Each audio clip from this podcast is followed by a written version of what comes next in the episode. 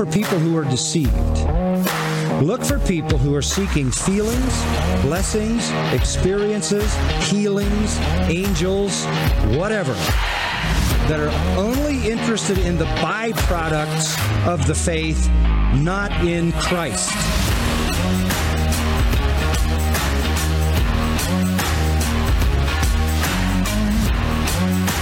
Come out from among them. Run for your life. Because this is about your life.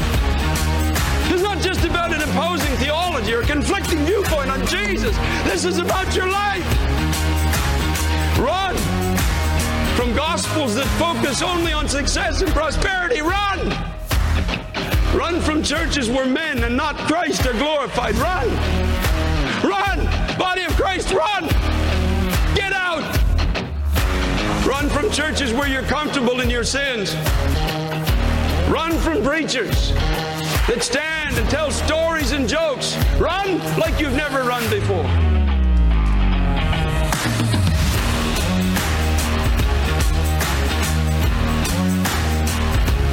Hvis ikke Herren bygger huset, hvis det ikke er Han som leder arbeidet, hvis det ikke er Hans ord vi bygger på, Hans ord vi handler på, ja, da handler vi, da bygger vi, da arbeider vi forgjeves.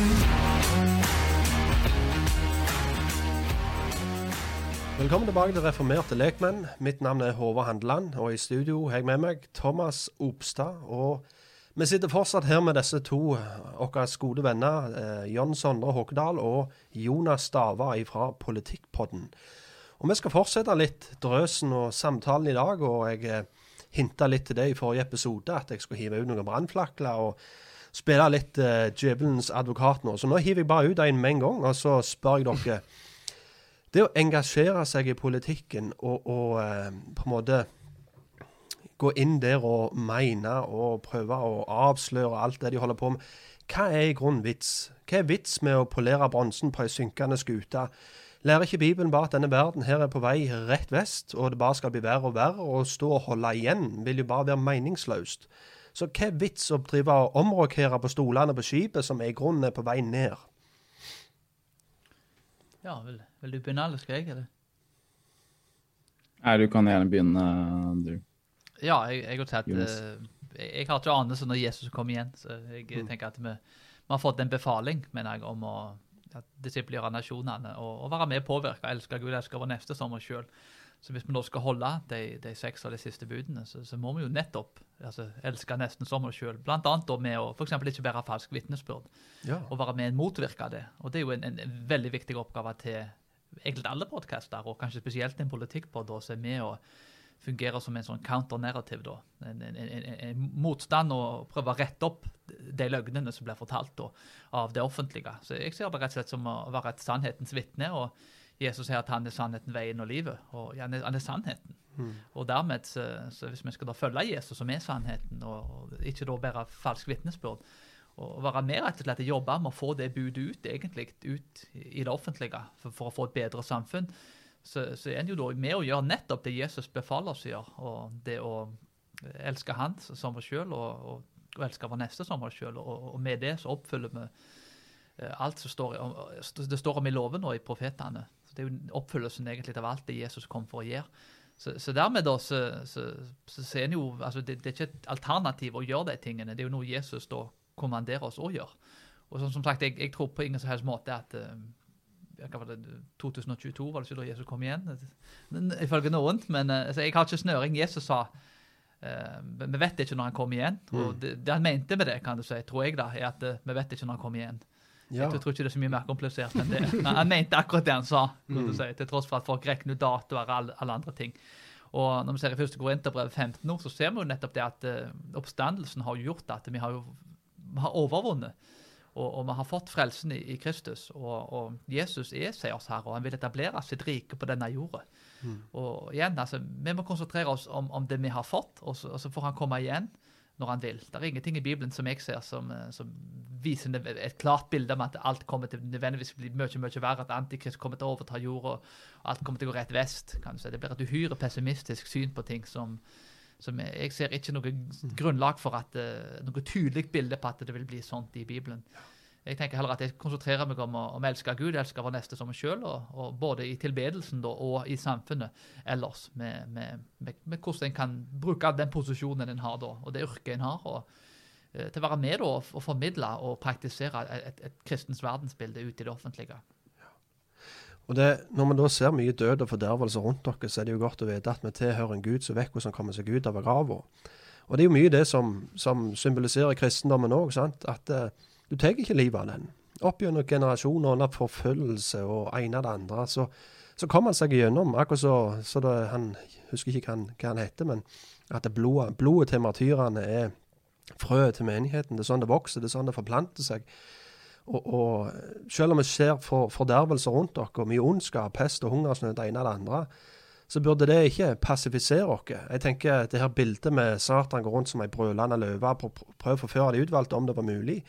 Og Bare det der bildet der, hadde det vært ei brølende løve ut forbi oss nå, så tror jeg naturlig instinktet var å springe inn og låse dørene og trekke før gardinene og holde seg i ro. Og Jeg tenker det er mye det òg, dette hylekoret ute i verden i det politiske bildet òg prøver å gjøre. Å stenge ned denne røsten som dere nettopp prøver å være med podkasten deres. Stenge ned røsten, få dere til å være rolige og, og trekke dere inn i huset og trekke før gardinen. Og ikke, ikke stille spørsmål med det som vi nå holder på med, eller det vi har erklært som sannhet. Så jeg må bare igjen beundre dere der. Jeg tror dere fyller fyller et rom som er helt tomt og ledig, for å si det sånn. En uh, mer konservative røster inn i det politiske bildet. Og spesielt òg fra kristen perspektiv. Det trenger vi. Det trenger vi virkelig. Thomas, har du noen spørsmål? Kan jeg, kan jeg svare på det spørsmålet? Ja, ja, ja. Kjør på. Mine tanker? Ja, om hvorfor vi uh, gidder. Hvorfor gidder vi hvis uh, verden bare kommer til å ja, gå rett vest uansett, at alt bare blir verre og verre, og til slutt så kommer Jesus tilbake og gjør ting bra. Så for det første så er det ikke sikkert at det er det Bibelen lærer, men jeg skal ikke gå inn på endetid. Jeg har jo hatt noen episoder om endetidsteologi, så da kan folk gå tilbake og se på deg og kanskje få et alternativt syn på det. Mm. Men uh, for det andre, til og med hvis du tror på den uh, endetidsteologien, så så er det jo um, bevitna fra historien som vi har, at det er ikke sånn at ting iallfall hele tida at det er på en måte en, en, en, rett kurve nedover hele veien. At ting bare blir verre og verre og verre. verre, og verre.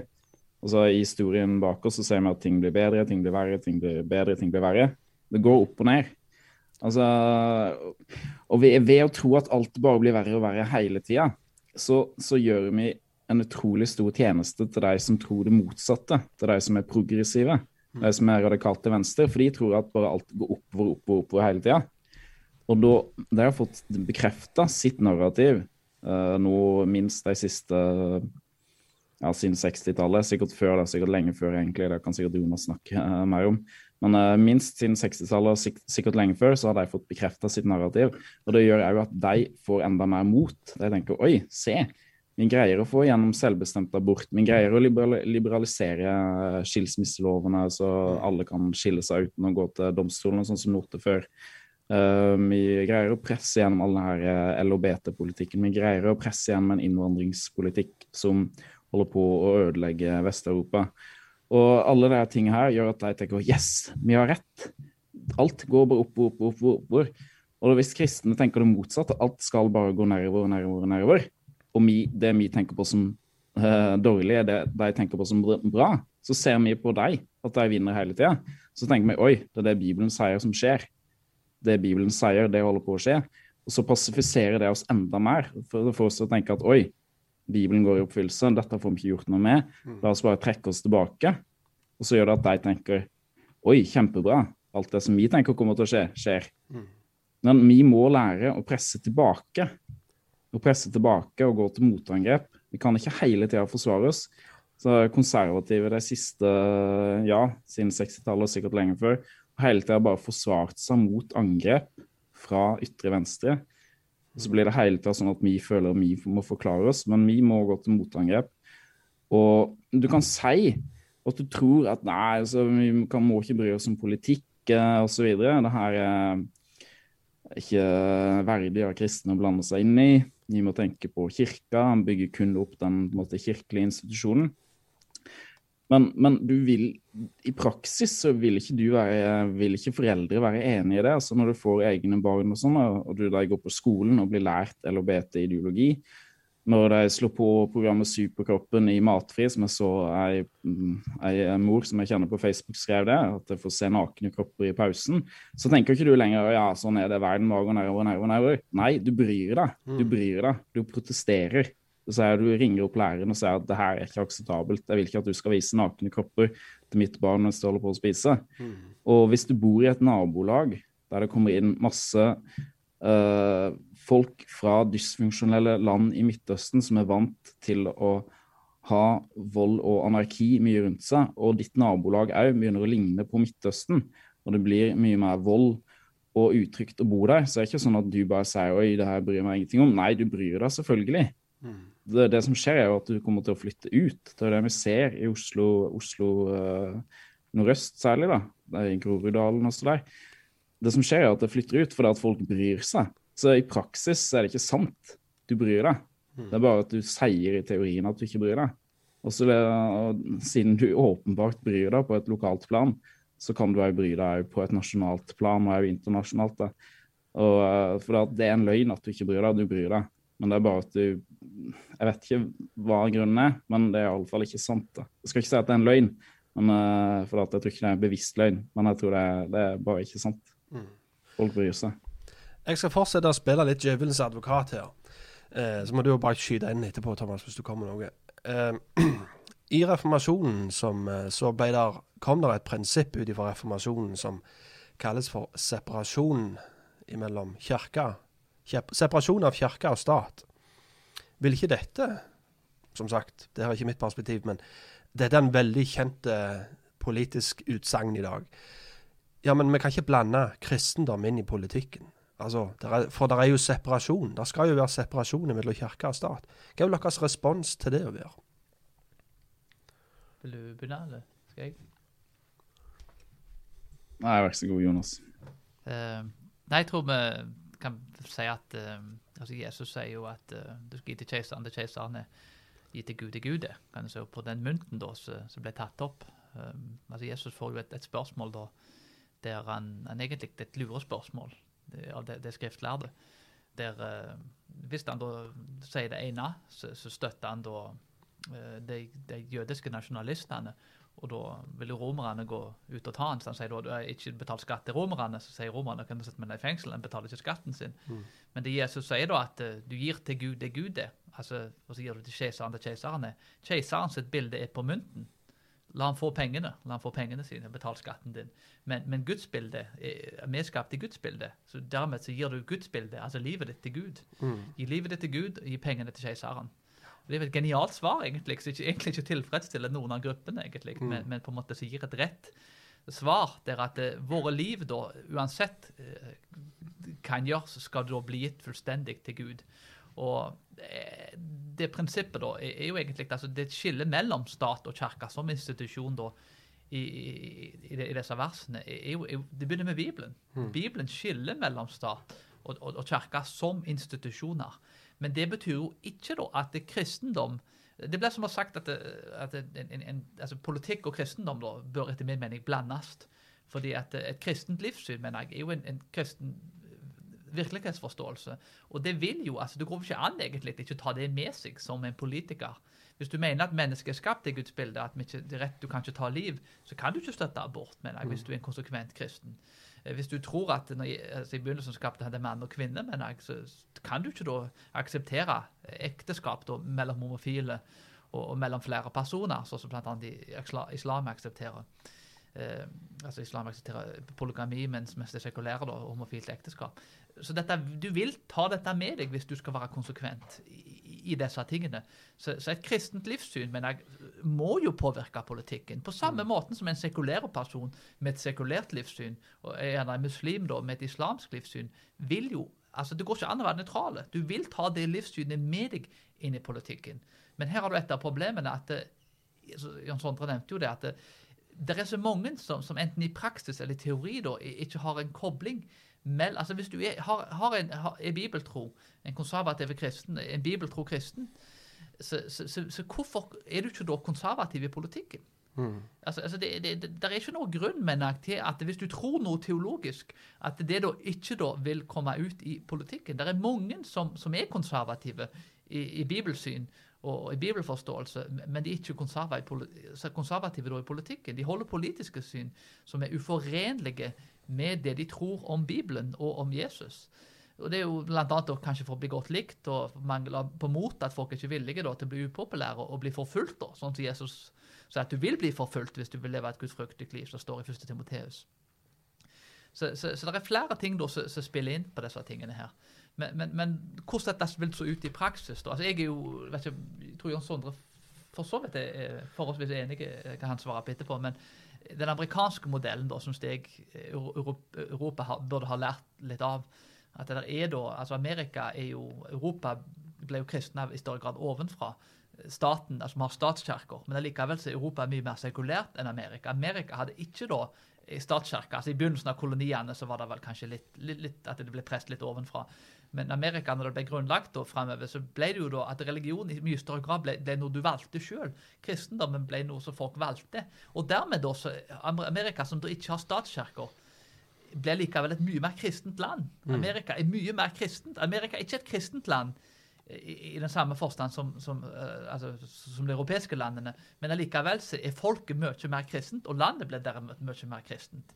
Så, så jeg mener at uh, stat og kirke, sånn som Amerika, altså, Vi må velge å være kristne. Det skal ikke presses på folk, sånn som Europa har gjort i store deler av sin historie, i norsk historie, bl.a. at du fikk bøtelagt for ikke å delta på nattverden. Mm. Du skal ikke gå mer enn litt 100 år pluss tilbake i tid. Visse plasser så ble du bøtelagt for ikke å delta i nattverden så, så ofte. Så, så, så, det er jo en, jeg vil si at mye av den, norske forståelsen, måten religioner og det lutherske ble press på folk, er helt feil. Men, mens den amerikanske modellen da der en da faktisk skiller mellom institusjon, stat og kirke. La folk få velge det å være kristne. Og, og, hvis du gjør det, så vil jeg tro faktisk at hvis du har frihet, så får du faktisk i mye større grad et, et mye mer kristent land.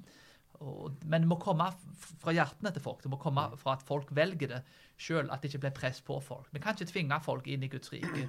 Det er kun Gud som kan bringe dem inn, og, og folk må selvsagt ta et valg sjøl. Så for å oppsummere det du sier nå, da. Så separasjon av kirke og stat, det er et stort ja og tommel opp. Ja, som institusjoner. Ja, men separasjon av Gud og stat, det blir feil. For vi kan ikke ta Gud ut ifra den styrende myndigheten. Vi kan ikke si at Gud har ingenting han har, har sagt om hvordan dette skal bli gjort på en rett måte. Jeg, jeg, har hørt, jeg har hørt uh, en del politikere som f.eks. i debatten på NRK, kristne fra KrF, som sier når det kommer til moralske spørsmål, så sier de men, men nå skal ikke jeg begynne å blande min religion inn i dette her, for det er jo tross alt separasjon mellom kirke og stat. Da, når de bruker det argumentet i den kontekst, da tenker de misforstått helt. For det som du sier, det prinsippet som kom ut fra reformasjonen, det var snakk om å at det, det, skal være to forskjellige institusjoner, der Gud har gitt en sfære, en suverenitetssfære til menigheten, og en annen suverenitetssfære til myndigheten. At myndigheten skal ikke gå inn og ta oppgavene til menigheten, og menigheten skal heller ikke ta oppgavene til myndigheten. Men det er to forskjellige suvereniteter, om du vil. To forskjellige myndigheter med et lederskap over seg. Og over dem igjen så er det Kristus som Herre. Så det står i Jesaja 9 at eh, all myndighet er lagt på hans sine skuldre. Så vi har jo en del sånne myndighetssfære, om du vil, som blir lagt fram i Bibelen. Du har personlig myndighet, at Gud sier at ingen skal eie deg. Du, er derfor det er strenge straffer i Bibelen for hvis du stjeler et annet menneske. Samtidig, for du, har, du er herredømme over din egen kropp, men du er meint til å ha Jesus som herre over deg igjen. Du skal styre ditt eget liv, personlig hellighet, fylle Herren innrette ditt liv etter hva Gud har sagt i sitt ord. Det er en eh, suverenitetssfære, en, en, myndighetsform om du vil, personlig myndighet. Og så har du familiemyndighet, der Gud har gitt instruksjoner på hvordan familien skal drives, med et lederskap òg i den institusjonen. Og så videre til menighet og myndighet. Og det er vel litt det dette her separasjonen mellom kirke og stat prøver igjen å påpeke. At det skal være en distinksjon. Ikke at myndigheten skal gå inn og gjøre oppgavene som Gud har gitt til lederskap i familien.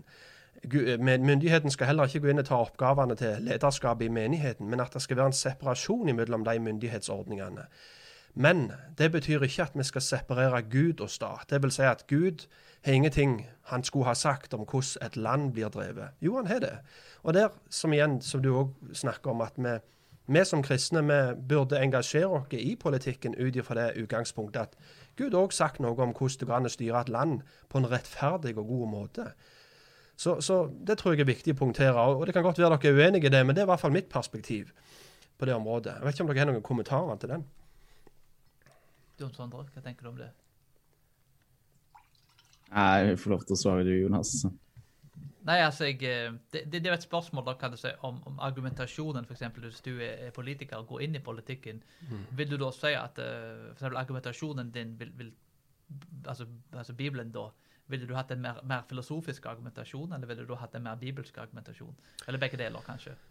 Ja, jeg, jeg, jeg tenker det at uh, Selvfølgelig det som av, Jeg tenker alle politiske spørsmål er moralske spørsmål. Kom, vi, kan, vi, kan liksom ikke si at uh, politiske spørsmål ikke har noe med moral å gjøre. Hvor mye vi skal beskatte den enka, og arveskatt, eiendomsskatt Alt dette her er jo moralske spørsmål. Jeg tenker Tyveri blir ikke bare tyveri når vi som borgere gjør det, men staten òg kan begå tyveri.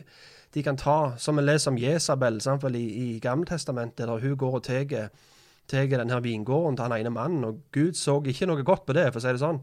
Selv om du er en myndighet, så har du Gud òg gitt deg retnings, retningslinjer og, og, en standard som du skal forholde deg til. og Hvis da myndigheten overgriper seg på sine for, eh, borgere, så blir de en tyrann.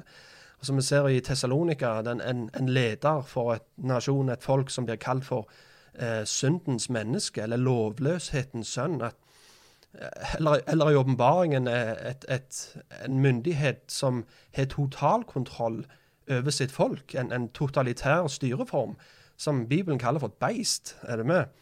Så, så jeg, jeg, tror igjen det at vi som kristne, og som dere òg gjør i podkasten deres, litt sånn døypere Johannes, at en går til myndigheten og taler profetisk til dem og sier at nei, det er ikke rett sånn det blir formidla. Det er heller ikke rett sånn det blir gjort. Og så at en heller ikke skammer seg over at en gjør det ut ifra et kristent perspektiv.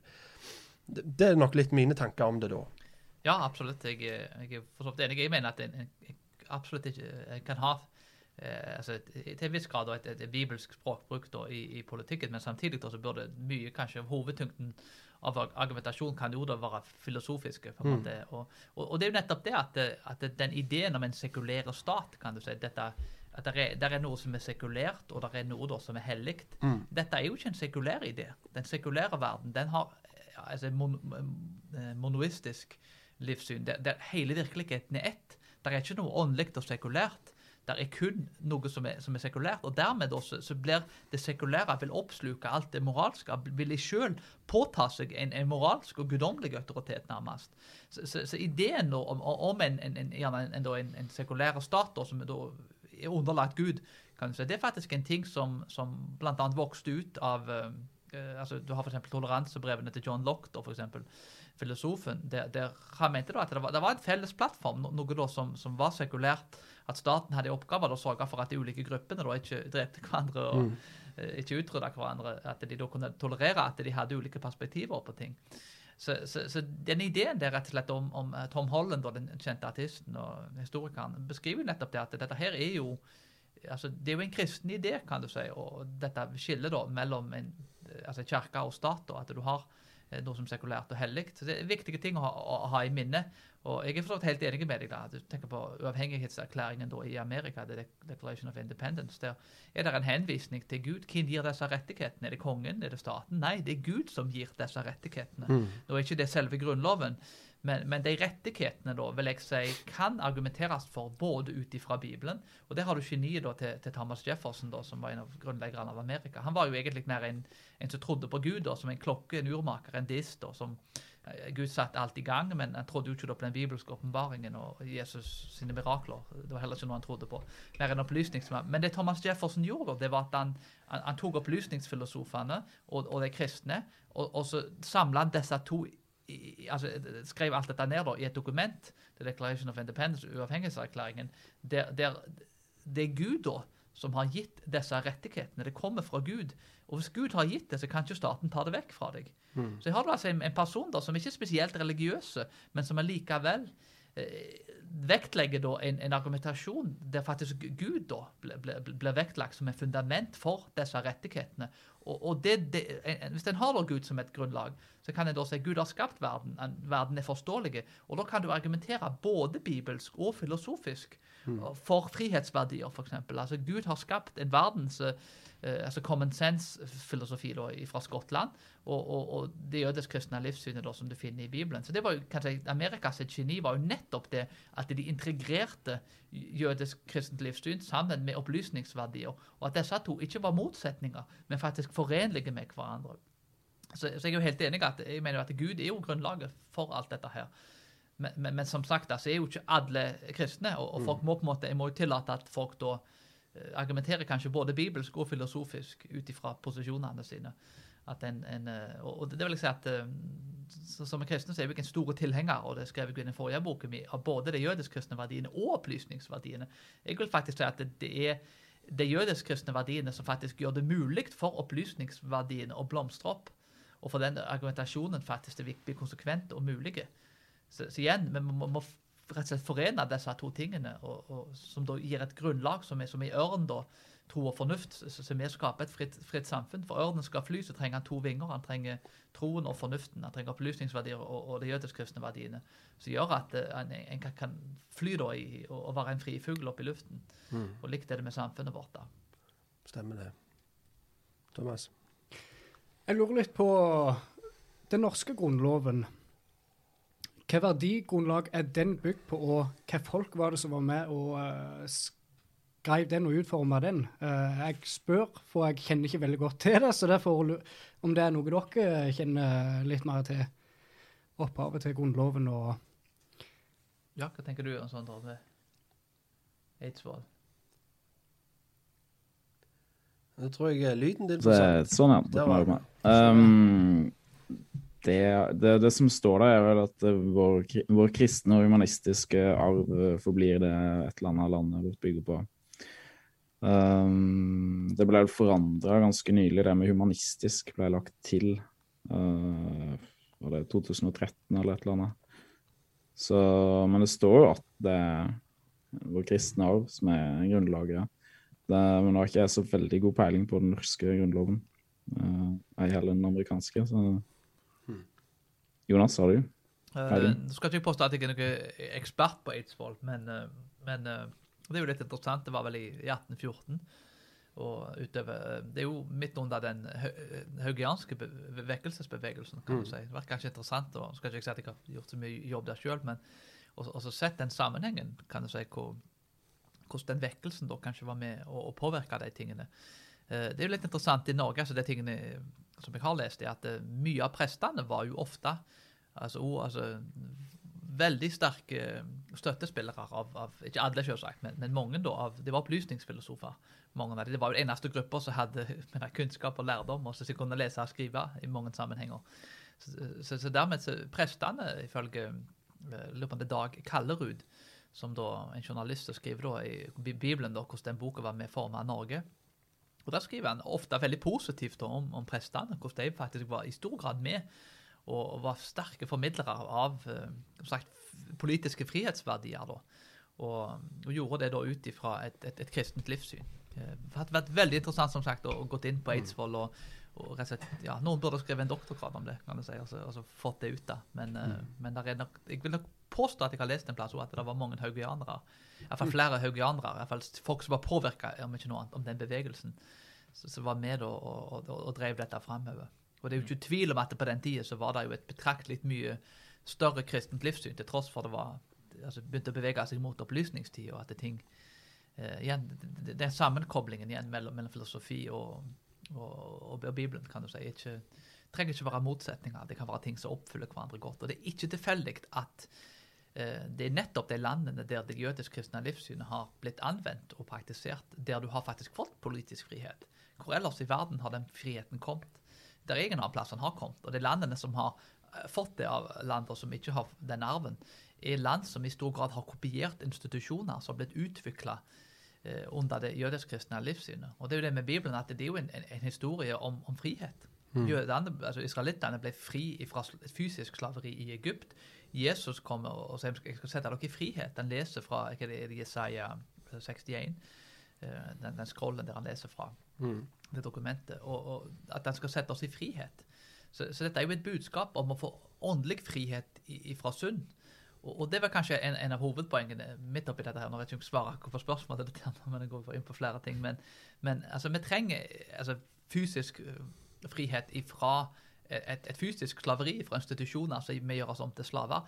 Men den største formen for slaveri er avgudsdyrkelse, og det bor i hjertene våre. Så hvis vi ikke er fri ifra synden som bor i oss alle, så kan vi ikke heller egentlig ikke få politisk frihet. Og det var en ting som spesielt fedrene i Amerika, og kanskje delvis fe- fedrene som grunnla vårt land, forsto. At eh, uten at eh, uten kristendommen, de, som ikke var religiøse i Amerika, de, de visste at uten kristendommen, uten religion, så kan du ikke få frihet. Du kan ikke ha et fritt samfunn. Og det var nærmest en konsensus blant de fleste opplysningsfilosofer, om de var, de var kristne eller, eller, eller, mer ikke sekulære, det var ikke så mange som var sekulære da, så, så var det en, en en posisjon som de aller fleste støtta.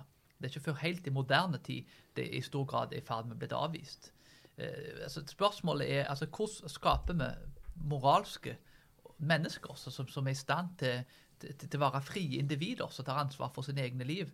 Jo mer moralske vi er, og jo mer det kommer fra det indre, jo mindre nødvendig vil det bli å, å komme med masse lover og, og institusjoner som gjør, oss om til, til slaver.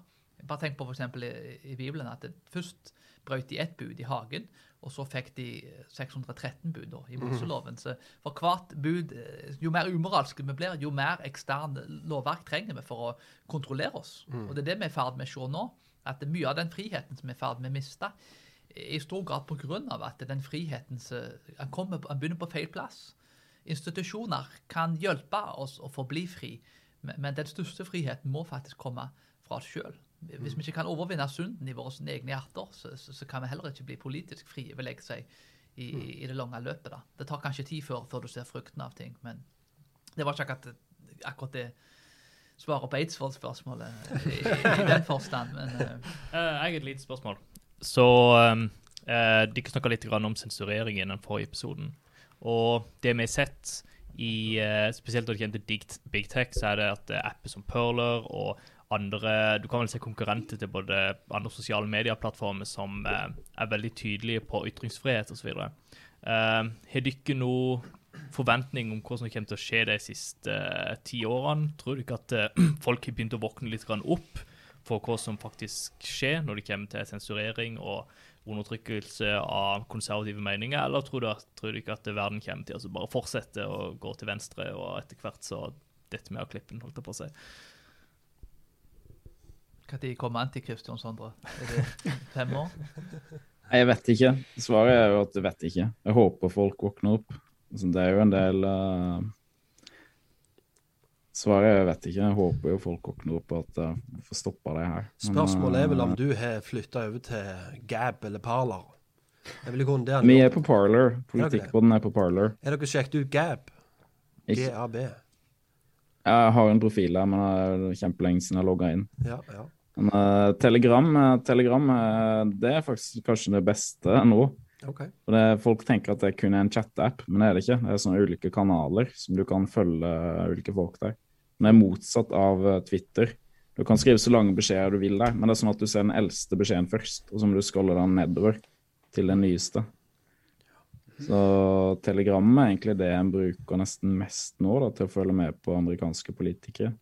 Det er ganske morsomt å lese hva de skriver på Telegram, og så går du på Facebook og sjekker hva de skriver der eller noe sånt. da. Det er ganske mye mer eh, eh, hva skal jeg si, eh, fra levra, da, det de skriver på Telegram, enn på Facebook.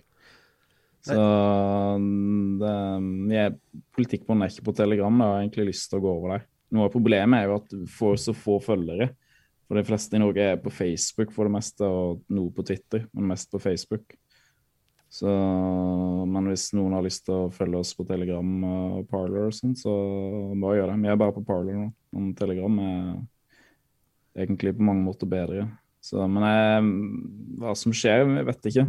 Men jeg må i hvert fall prøve å gjøre sånn at uh, ting blir bedre, og ikke bare stikke hodet i sanden og tenke at dette går galt.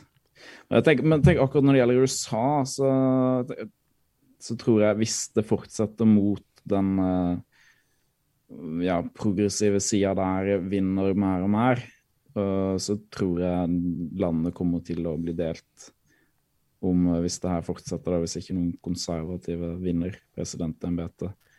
For der er det sånn at der er jo folk begynt å segregere seg mer og mer politisk da, ut fra hvor de bor. Og så jeg tror at uh, hvis USA fortsetter enda mer i en progressiv retning, så kommer det til å bli delt. Uh, men det, vi får se hva som skjer. Uh, Ja. Hva tenker du, Jonas? Ja, det, det en skremmende utvikling. da. Det, er jo, det kan jo veldig fort bli sånn at en eh, Jeg er forstått enig med, med at jeg, jeg tror nok landet kan bli eh, sagt, Det er jo litt interessant fordi at det, under borgerkrigen da i hva det var det, eh, 1862 så 65 Omkring den tida eh, så, så var det jo 1861 til 1865.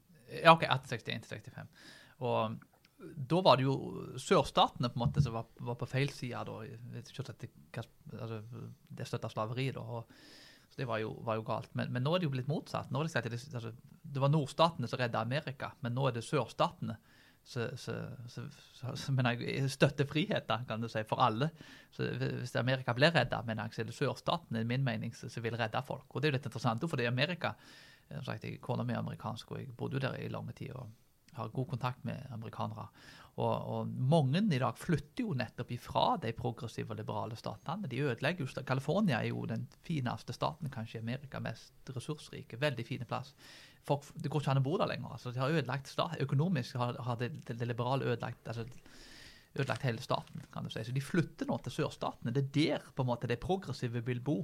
Texas i dag er sagt, en, en ekstremt eh, men Kanskje den mest populære plassen å, å bo i Amerika. Altså Billige hus og knallgode jobber. og så, så Alle disse her flytter jo til plasser som er mye mer frie, men, men de kobler ikke da at eh, kanskje det var det jeg stemte på før, og det, det ideologien jeg har, det var det som ødela California. Det var det som ødela plassene.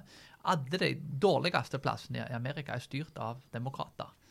Eh, Alle byene mener jeg, som- som er verst, måte, er styrt av demokrater, og har blitt styrt av demokrater i lang, lang, lang, lang, lang tid. Og Det betyr ikke at republikanere gjør alt rett. Det er jo åpenbart at republikanere nå har feil. Men, men det er fascinerende å se hvor vil folk bo i Amerika. De vil til sørstatene. Så jeg tror sørstatene i mye større grad vil, vil, vil berge Amerika hvis Amerika blir berga. Likt er det faktisk her. I, i Øst-Europa, i Polen i dag, så er det mye mer ytringsfrihet enn hva det har her i Norge og i Vest-Europa. De har opplevd kommunismen. De vet hva det var. Russland er 70% av russere identifiseres som, som, som russisk ortodokse. Regner seg som selv som kristne, da. Eh, Russland har, har hatt en, nesten en, en, en enorm vekkelse rett og slett, da, med religion. Et kommunistland fra 1917 da, til 1991 var det vel, med med jernteppet falt. 1991. Så, så her ser du altså Øst-Europa, Russland, da, som levde under marxisme og kommunisme. De er, har forandra helt mening om det. De, de vil ikke tilbake til dette. Så det har faktisk, eh, det er mer, mer frihet faktisk i visse land i Øst-Europa, kanskje delvis Russland, enn hva vi er i ferd med å få nå i Vest-Europa. Så Det er morsomt å se at, at de landene da, som før har vært frie, går inn i et nytt slaveri, men land som har vært i slaveriet, de, de vil ikke tilbake til Egypt, kan du si. De, de vil gå til det lovende landet. Så, så Det er fascinerende å se utviklingen. Og I forhold til disse tingene, da, hvordan vil dette bli? Jeg tror kanskje i stor grad at vi ser to ulike plattformer. En plattform som er for alle, og en som er kun for ytre venstre. Så, så, så de, altså, Ofte sier folk Parler er konservativ Twitter, og, og det er det ikke. kan du si. Parler er faktisk en altså det konservative i dag, og det klassisk liberale, er folk som støtter faktisk frihet generelt sett. Så vi kommer nok i stor grad, tror jeg, til å ha frihetsorienterte folk, kanskje på Parler. Og så Twitter blir mer da, egentlig mer totalitære folk og progressive, mener jeg, som er imot ytringsfriheten. Likt det med Facebook og, og Google og andre. Så, så jeg tror kanskje i større grad vi vil se en mye større polarisering av samfunnet, der, der folk i mye større grad vil være i ekkokammer, der de kun hører sitt syn. Og det er noe ting det, det internett har gjort med oss, at folk blir mer og mer ekstreme i sitt syn uten å, å møte folk med andres perspektiver. Og, det er kanskje det trist, mest trist, tristeste av alt her, er at uh, vi får ikke se folk. Altså Folk treffer ofte ikke altså I Amerika, for eksempel, så de konservative i Amerika altså de, de, de, de ser filmene til de progressive. De går på skolene deres. Uh, altså de, de, de, de får altså alle tingene som de har, rett i fanget helt ifra en ung alder. Så de konservative kjenner til det liberale perspektivet. De kjenner til det progressive per- perspektivet. De progressive de har ikke snøring på hvem Thomas Sowell er, f.eks. Thomas da er jo en av de dyktigste konservative libertarianske tenkerne i Amerika. En, en, en 90 år gammel svarte mann som er et geni, kan du si. Uhyre Og en av de største stjernene blant konservative. En person som alle bør lese, Thomas Sowell, kan du si, hvis, hvis du jobber i, i det intellektuelle livet. Folk har ikke hørt om han. Det er masse folk som aldri har hørt om mannen. Eh, Og han er den mest lærde personen på dette her med, med ulikhet og, og raseforhold og den type ting. Sikkert den mest eh, og dyktigste forfatteren kanskje innenfor det feltet. Men de, de leser ikke så mye av det progressive. De hører aldri motargumenter. De hører, altså det, det er et sjokk for dem å vite at det, det er noen som er konservative. Det er noen som har støtta Trump. Det er noen som, som, som ikke, ikke støtter abort. Så, så der har du et av problemene. kan du si. De konservative hører begge sidene. Og, og dermed ser du òg at det blant de beste debattantene i dag Og jeg sier ikke dette bare fordi jeg er konservative, men de, de, de vil ikke debattere det lenger, kan du si. For de konservative er de, Hvis de får slippe til, mener en så, så overbeviser de den andre parten ganske kjapt. Fordi de, de har aldri møtt motstand. Hvis du skal være god i, i argumentasjon og debatter, så må du faktisk diskutere med folk som du er uenig med. Og hvis du aldri hører noe annet enn et ekkokammer, med en så, så blir du automatisk eh, altså, mer ekstreme, kan du si, intolerante. Du, du, du, du, du blir ikke reflektert der på samme måten. Så, så jeg, jeg tror at eh, Jeg vet jo ikke framtida, men jeg håper jo virkelig at, at folk kanskje i større grad lærer seg å snakke sammen, og at vi utvikler nye plattformer der, folk med ulike syn kan komme sammen og diskutere ting. Eh, så jeg, jeg, er kanskje litt mer optimistisk, og du som er postmild, du, du har vel kanskje noen gode eh, optimistiske refleksjoner? Du høres ut som en postmild, så du, du kan ikke være langt vekke. Det er veldig mye optimisme som kommer fra deg. Jeg er nærme, da. Det, jeg er litt pessimist av natur, men, Optimistisk armel, er det ikke det de kaller det? Det går vel an å hete det? ja, jeg tror det, altså. Det, du mener vel at dette her vil bli løse seg av seg sjøl? Ikke av seg sjøl, ikke av seg Nei, sjøl. nei, ved hjelp av, av gode folk, da. Men Stemmer det. Og, og det er jo klart, som jeg og Thomas har sagt, at det perspektivet du har på framtida, får konsekvenser for du, hvordan du lever nå, og hvordan du engasjerer deg. Og, og ja, jeg, jeg vil ikke som sagt si at uh, folk som er et annet endetidssyn ikke engasjerer seg, men det vil igjen kanskje være litt mer inkonsekvent med et mer pessimistisk endetidssyn. Men, men som sagt, det perspektivet som jeg og Thomas holder, det er jo, som, som det står i, i, godt oppsummert i Salme 110, sett deg med min, min høyre hånd til alle fiender blir lagt som en fotskammel under dine føtter. Og litt videre så står det at han skal regjere iblant sine fiender. Så om det er fiender, så betyr det at Herren regjerer midt iblant oss gjennom sitt folk og gjennom sitt ord. Og, og Faderen sier til sønnen, sett deg her, og så se ned.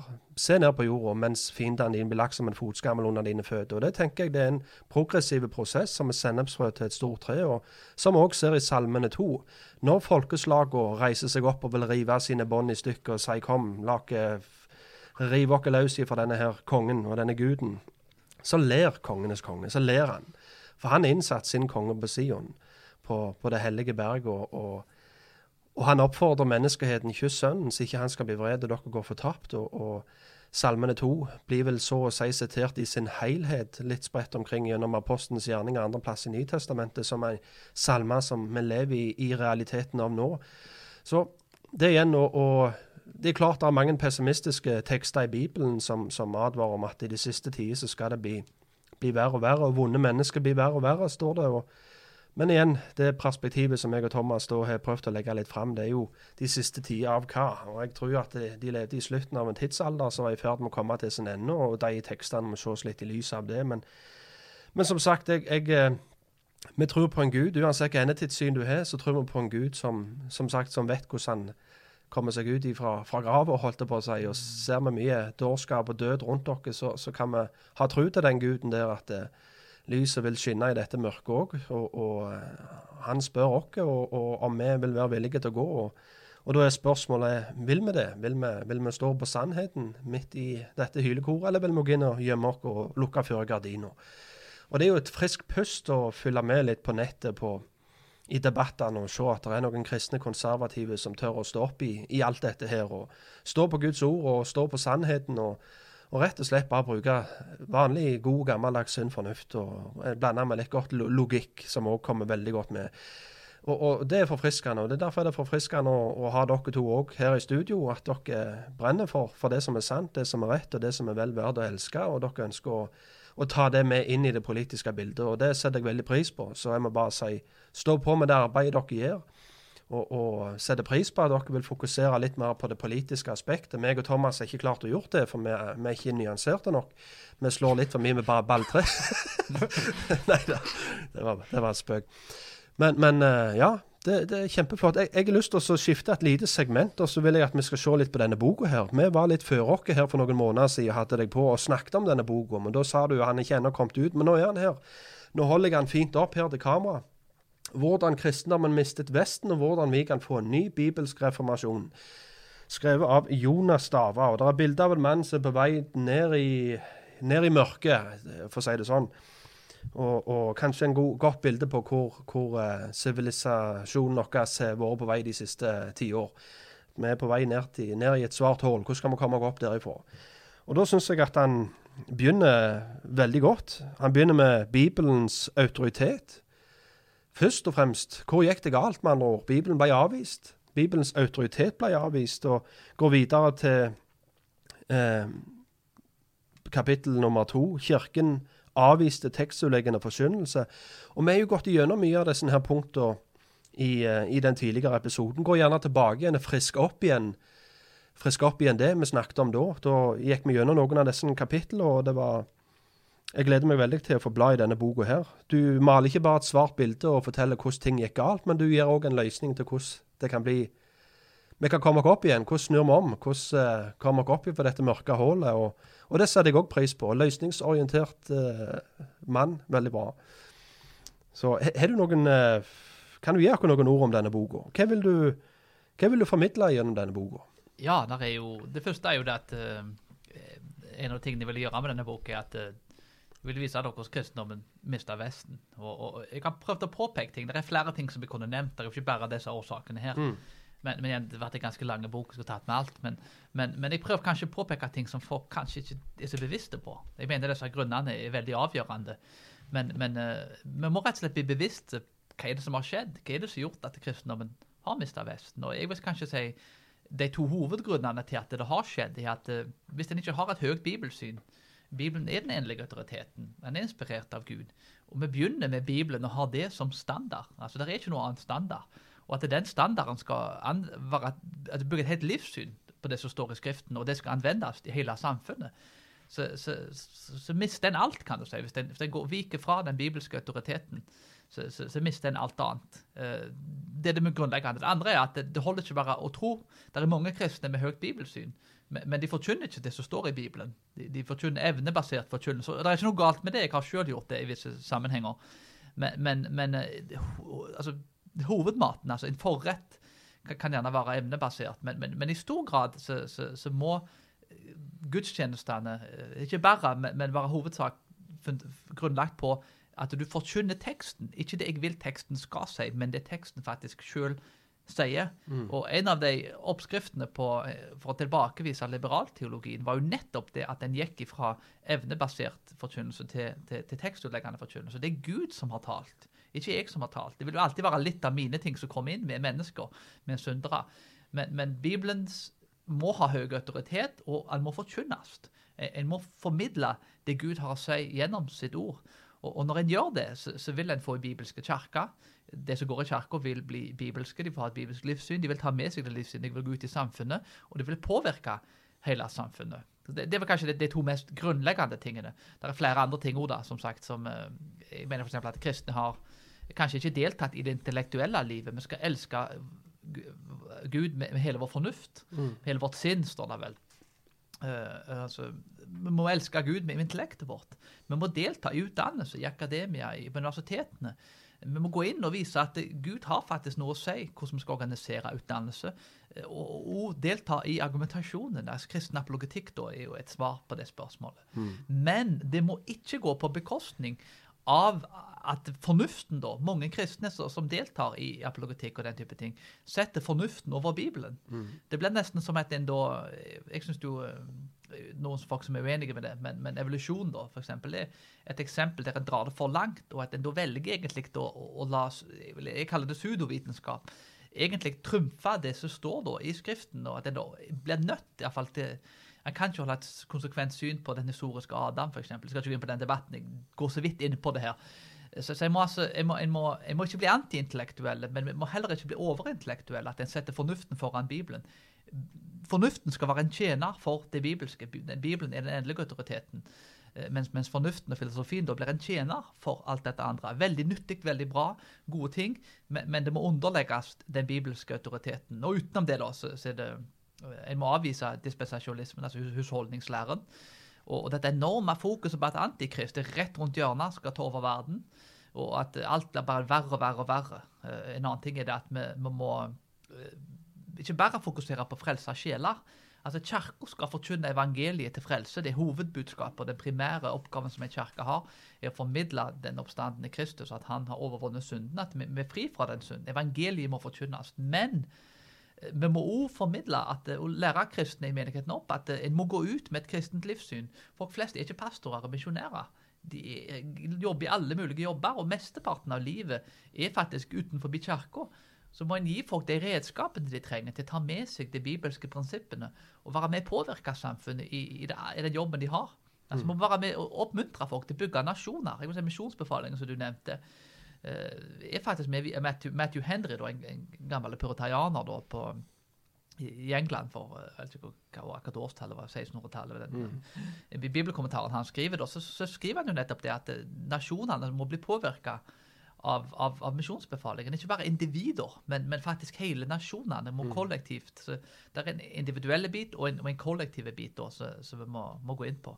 Og den siste biten ble jo da at en, en jeg er ikke noe stor tilhenger av statskirker. kan du si, At staten da, en sekulær stat med ateister er med å bestemme hvordan kirka skal organiseres. Det, eh, sagt, eh, det, det blir helt feil, egentlig. da. Så det Statskirken har vært med, egentlig, etter min mening, og undergravd kristendommen da, i, i stor grad. Og akkurat der vil jeg si at Amerika har mange feil, som sagt, men, men akkurat der har Amerika synes jeg i hvert fall fått i, hvert fall i mye større grad rett enn hva vi har fått. Og Hvis vi gjør da alle disse tingene her, det var en veldig kort oppsummering, jeg har ikke tatt med alt, men så, så vil jeg i stor grad si at uh, vi vil få en, en mer konsekvent utleggelse av, av Bibelen, Bibelens skrift og autoritet, og, og en vil delta og, og sørge for at dette påvirker hele samfunnet.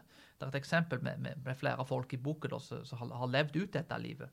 Hans Nilsen Hauge, da, entreprenør, gründer og, og svovelforkynner og, og bibelske forkynner, som gjorde alt, kan du si. Han påvirka hele samfunnet. Altså En bok som er skrevet om, den heter Ånd og hånd.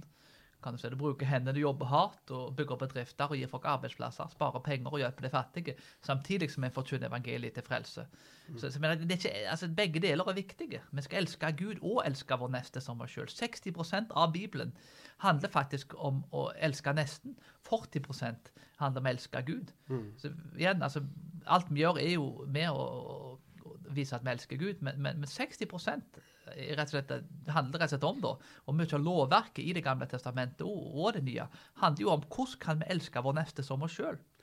Hvis vi tilber Gud rett, og det må vi gjøre, vi må prøve å tilbe Gud så rett som vi kan, så må det lede da til at vi, vi skal elske nesten som oss sjøl. Så det handler om da at vi ser opp til Gud og, og ser til sidene da mot, mot medmennesker. Og da er det mange eksempler på det. Men, men du har det f.eks. å bære falsk vitnesbyrd. Vi må rett og slett være med og jobbe for sannheten. Altså i, i medier og, og podkast og hva enn vi gjør. Eh, vi må være med og, bevare livet. Vi skal, vi skal ikke morde. Vi må jobbe imot abort, og egentlig imot eh, at, at folk da blir eh, at, at livet blir bevart i, i alle sammenhenger. Eh, og så må en da altså ikke, ikke, ikke bare falsk vitnesbyrd, og, og, og det er flere andre ting. Så, så altså, ikke stjele. altså Privat eiendom eksempel, er jo noe du finner i Bibelen. At en skal ikke stjele andre folk sin eiendom, og en skal heller ikke stjele rettferdighet. Og, og dette det er jo mange måter og, og, som en, en, en kan ta dette ut i arbeidslivet. Og en kan være med og skape en god arbeidsplass, men og et miljø der, der, der en da er, er med og elsker nesten som, som oss sjøl. Eh, det er ikke bare politikken dette gjelder, det gjelder alle plasser. kan du si, Og familien, om ikke, om ikke noe annet. Så hvis du vil høre mer av det som Jonas uh, toucher inn på her, så anbefaler jeg dere å, å få kjøpe boka 'Hvordan kristendommen mistet Vesten', og hvordan vi skal få en ny bibelsk reformasjon. Så spørsmålet blir jo da hvor kan en få tak i denne boka? Ja, den boken kan eh, eh, du kontakter meg på Jonas Stava med to s-er, gmail.com, så kan du skrive meg en e-mail, og så, kan du uh, få den boken tilsendt. Ja. Eh, og så um, Ordet er ditt i Stavanger eh, sentrum. Jeg vet ikke om til den bokhandelen? Hun- Og du har fått den inn på en bokhandel, ja. ja da, hun kjøpte noen kopier av meg der, skulle jeg si. Så, så jeg kommer nok til å kontakte flere bokhandlere etter hvert. Mhm. Selge litt, litt privat til å begynne med. kan jeg si. Jeg selger ikke den boken for, for, sagt, for å tjene penger, jeg vil bare få dekket utgiftene jeg har hatt. Mm. Så jeg går nok sannsynligvis i null da, med å skrive boken. Så det, mm. det er et prosjekt som sagt som jeg eh, jeg ble ikke en rik mann av å, av å skrive kristne, kontroversielle bøker. Jeg ble faktisk mer upopulær. Det er flere posisjoner i den boka som Hvis jeg skulle markedsført meg sjøl, som jeg ofte blir beskyldt for når jeg skriver en bok, så hadde jeg nok skrevet om helt andre ting, kan du si. Altså, jeg eh, eh, argumenterer jo delvis da for at en eh, ja, jeg tar opp det spørsmålet så vidt da, med, med, med kvinnelige pastorer og, og homofilt ekteskap. Og det er jo alle to brannfakler der som, eh, som allerede kategoriserer meg som en, som en fæle mørkemann, men Stemmer som er med å undertrykke andre mennesker. Så, så igjen, det er nok, nok der til at en, en kan bli regnet som temmelig kontroversielle. Ja. Det, på kanskje litt urimelig grunnlag av og til. Men, eh, men som sagt, jeg ønsker å få det budskapet ut, da, for jeg mener at eh, ja, der er, der er ting vi kan gjøre for å være med og få en ny bibelsk reformasjon. Og, og jeg prøver iallfall å vektlegge Og det er veldig tverrkirkelige bok òg, bare for så det er sagt. Det er ikke ei presbyterianske bok eller reformerte bok. det er faktisk ei eh, Hvis du leser den boken, så vil jeg nesten ikke tro at du ville klart å gjette det uten at du har veldig lese, lese ting inn i boka. At dette, dette er en bok som, som en pinsevenn kan lese. Uh, en reformert lutheraner. Altså, det har ikke noe å si. Det bør iallfall ikke ha noe å si hvilken bakgrunn du har, men det bør være noe for alle i den boka. da. Så det, det er ikke, ikke polemiske bok i den forstand. Nei. Tusen takk skal dere ha. Det var veldig gildt å ha dere med i studio. Plutselig så får vi dere på igjen. Takk til deg òg, Jan Sondre, for at du ble med oss over Zoom. Og, og Ja, takk for innbydelsen. takk til deg, Jonas. hyggelig å være med. Ja, kjempe. Jeg eh, sier bare stå på med det arbeidet dere gjør. Veldig gildt å følge med dere. Så tror jeg vi hiver på denne boka som en anbefaling, og vi anbefaler lytterne våre til å gå og sjekke ut Politikkpodden. Ja, tror du ikke det, Thomas? Vi hiver på deg. Stemmer det. Mm. Har vi- har vi lært noe? Har vi blitt visere? Ja, Jeg har blitt uh, visere og iallfall litt mer klokere på en god del ting. Ja, kjempe. Jeg syns det var veldig lærerikt. Det er veldig gildt å, å høre på dere begge to. Ja. Eh, Der legger vi en lenke til politikkbåndens sin eh, YouTube-kanal i eh, videobeskrivelsen, ikke sant? det må vi gjøre, vet du. Det må vi gjøre. Det. Kjempe. Jeg sier takk for nå, og så på gjenhør. Takk skal du ha. Ha det godt.